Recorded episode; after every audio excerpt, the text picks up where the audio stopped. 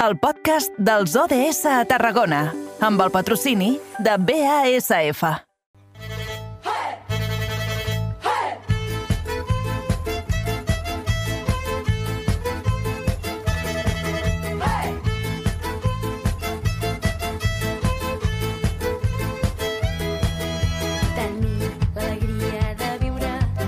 I com els hi avançàvem ara en aquesta darrera horeta de programa, el que farem primer de tot és parlar dels ODS, els objectius de desenvolupament sostenible, i aquest dimarts ens centrarem en l'ODS número 5, que és, ens parla de la igualtat de gènere i com cada 15 dies el tractarem amb el cau de llunes. Aquest cop parlarem del terror sexual amb motiu de la commemoració del 25N, el 25 de novembre, el Dia Internacional per la Erradicació de la Violència envers les dones. I per entendre millor aquest, aquest concepte i com funciona, saludem ja a la nostra convidada, l'Olga del col·lectiu Cau de Llunes, que ella ens ho explicaria. Molt bona tarda, Olga. Bona tarda. Per situar-nos una miqueta i per repassar conceptes, com definiries aquest terror sexual envers les dones?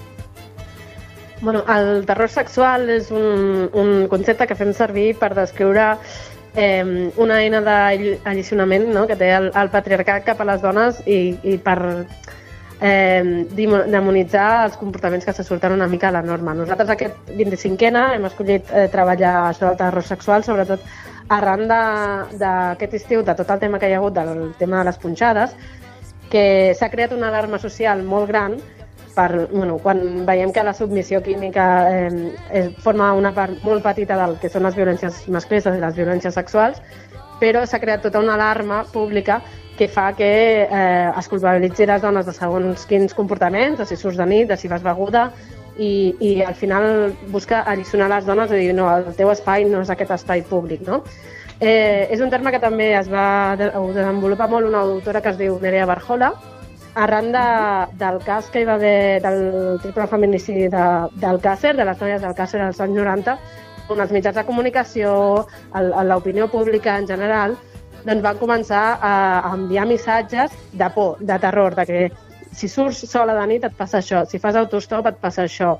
I busca alliçonar una mica a això, a les dones que tenen comportaments que no quadren amb, amb el patriarcat i a base de la por, o sigui, del terror, no és una forma de terror, doncs, doncs controlar aquestes conductes. De fet, uh, justament la idea d'aquest concepte és uh, que es crea una narrativa envers a, a actituds que, que tenen les dones, però clar, nosaltres no som del tot conscients que estem participant dintre d'aquesta xarxa, no? Explica'ns com, com són còmplices sense voler ser-ho. Clar, no? El, el típic de, de quan sortim de nit doncs preguntem a les amigues si han arribat a casa o, per exemple, veiem molt normal de que si una amiga queda amb un paio de Tinder doncs, doncs que ens enviï les fotos, la informació i tot, perquè sabem que s'està exposant a, a, a, a, a patir una violència. No? Totes, totes aquestes narratives alarmistes també provoquen aquest terror sexual, aquesta, aquesta por que fa que eh, tinguem més dificultats a accedir als, als espais públics i no podem gaudir de, de tot el que voldríem amb llibertat, no? Uh -huh. De fet, una altra idea que també implica aquest terme és el fet de disciplinar a la dona perquè agafi uh -huh. una, una, uns certs comportaments que dintre de la heteronormativa se consideren normals. Sí, sí, i també això també ho hem vist, per exemple, aquest estiu amb, amb altres col·lectius, com el col·lectiu d'homes gais, amb tot el tema de la varola del mico, no? doncs també s'associava a dir, ui, és que si tens comporta certs comportaments sexuals, doncs et pot passar això, no?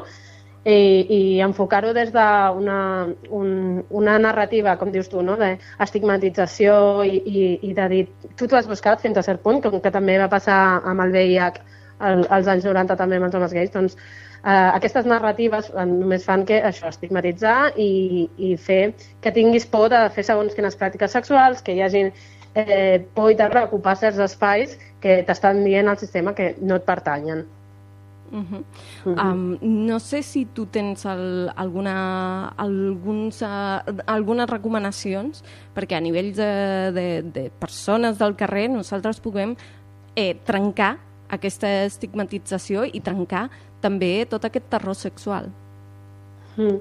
Mira, doncs precisament ahir que vam fer una ponència amb Laia Serra, que és una, una psicòloga que ens va estar parlant de tot això, em va, va dir una cosa que m'agrada molt, que un, unes eines que tenim és eh, parlar de la nostra sexualitat d'una manera de, doncs, des, del, des del gaudi, no? des del plaer de, d'ocupar aquesta narrativa enfront de les relacions i tot això des, de, des del que volem i no des del que ens fa por, no? de, de, de normalitzar, dius, pues tinc aquestes conductes i està bé i no passa res i no contribuir a, a crear aquestes alarmes, no?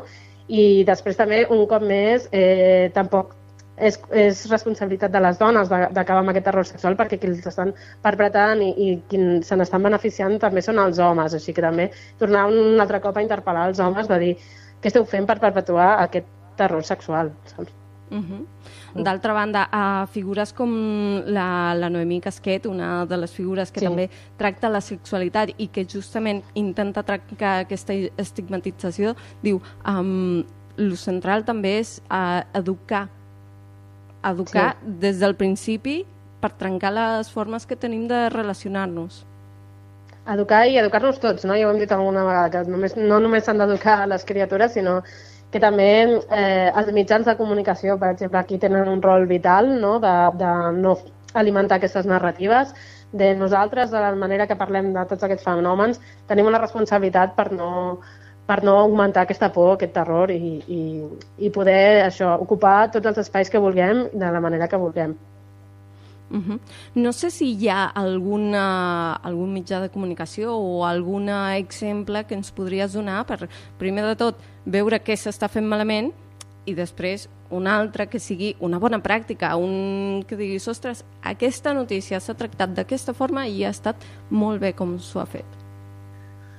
Mira, amb els exemples també eh, parlen molt del, del, true, del true crime, que ara està bastant de moda amb sèries com Crims i tot això, no? que no tenen cap mena de perspectiva feminista i la majoria de crims que relaten són feminicidis i, i ho, ho relaten d'una manera de, de, que és això, no, no fiquen l'accent en les, les causes eh, socials i polítiques d'aquests crims i d'aquesta violència, no? sinó que són coses que et passen si surts de nit, són coses que et passen si vas a llocs que no et toquen, no? que et poden passar aquestes coses. La, la violència masclista i, i altres formes de violència com la, la LGTB-fòbica tenen arrels que són això, són polítiques, són socials i són estructurals.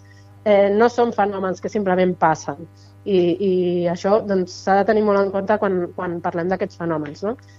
I no sé, doncs, eh, com tu deies, per exemple, Noemi Gasquet, crec que és una divulgadora, és una sexòloga o alguna cosa així, que, que sí que doncs, posen l'accent en el que et deia, no? de, de parlar d'aquests temes de sexualitat i tot això des d'una perspectiva des del plaer i, i des del gaudi, i quan parlem de les violències, parlar de les, de les causes de la violència, no? De que és un, és un tema polític, és un tema estructural, no, no, és, no està a l'apartat de successos. Les coses no passen perquè sí, passen perquè mm. vivim en un sistema doncs, que permet no? aquestes coses. Hi ha un, un proverbi que, que es diu cal tot un poble per educar un nen i des del feminisme a vegades eh, s'agafa això i es diu cal tot un poble per agredir una dona, no? que tots som còmplices una mica i que tots som responsables de canviar aquesta narrativa. Però som responsables nosaltres o de qui és també responsabilitat? No sé si aquí entren en joc eh, entitats privades, entitats públiques, que tothom hauria de tenir un protocol de, envers l'assetjament sexual, per exemple. Sí, sí, o sigui, tots eh, som responsables eh, de, de canviar aquests marcs mentals, que són els que faciliten que passin totes aquestes coses. Mm, també tenim diferents graus de responsabilitat, evidentment eh, qui té el poder, qui té, són això, doncs, el, el, les institucions, els mitjans públics, la, el, el capital, doncs tenen una responsabilitat molt més gran que la que podem tenir la, les dones, per exemple, les dones treballadores, no? que al final som qui patim aquestes conseqüències. Mm -hmm evidentment, el 25N, aquest Dia Internacional per la Erradicació de la Violència envers les Dones, eh, és molt important fer menció d'aquest dia concret, eh, que en molts municipis s'està celebrant durant tot el mes. No sé si a manera de pinzellada, Olga, ens podries dir des de Cau de Llunes què esteu fent? Bueno, eh, l'acte central, que és la manifestació del dia 25, la fem a Reus, conjuntament amb tots els col·lectius del Camp de Tarragona, al Reus de les 7 a la plaça del Mercat. Així que us convido a totes a venir i després també a Tarragona el dia 26, que és el dia següent, que fem una marxa de torxes no mixta, que ja portem molts anys fent i, i que us convidem a, a totes a venir. Doncs queda dit, nosaltres també ho recollirem en les agendes que fem eh, cada dia aquí a Carrer Major i gràcies de nou, Olga, per participar en aquest programa. L'Olga és del col·lectiu Cada de Llunes i amb qui cada 15 dies parlem per conèixer com s'està lluitant i promovent la igualtat de gènere al Camp de Tarragona. Moltes gràcies i fins la propera. Moltes gràcies. Adéu.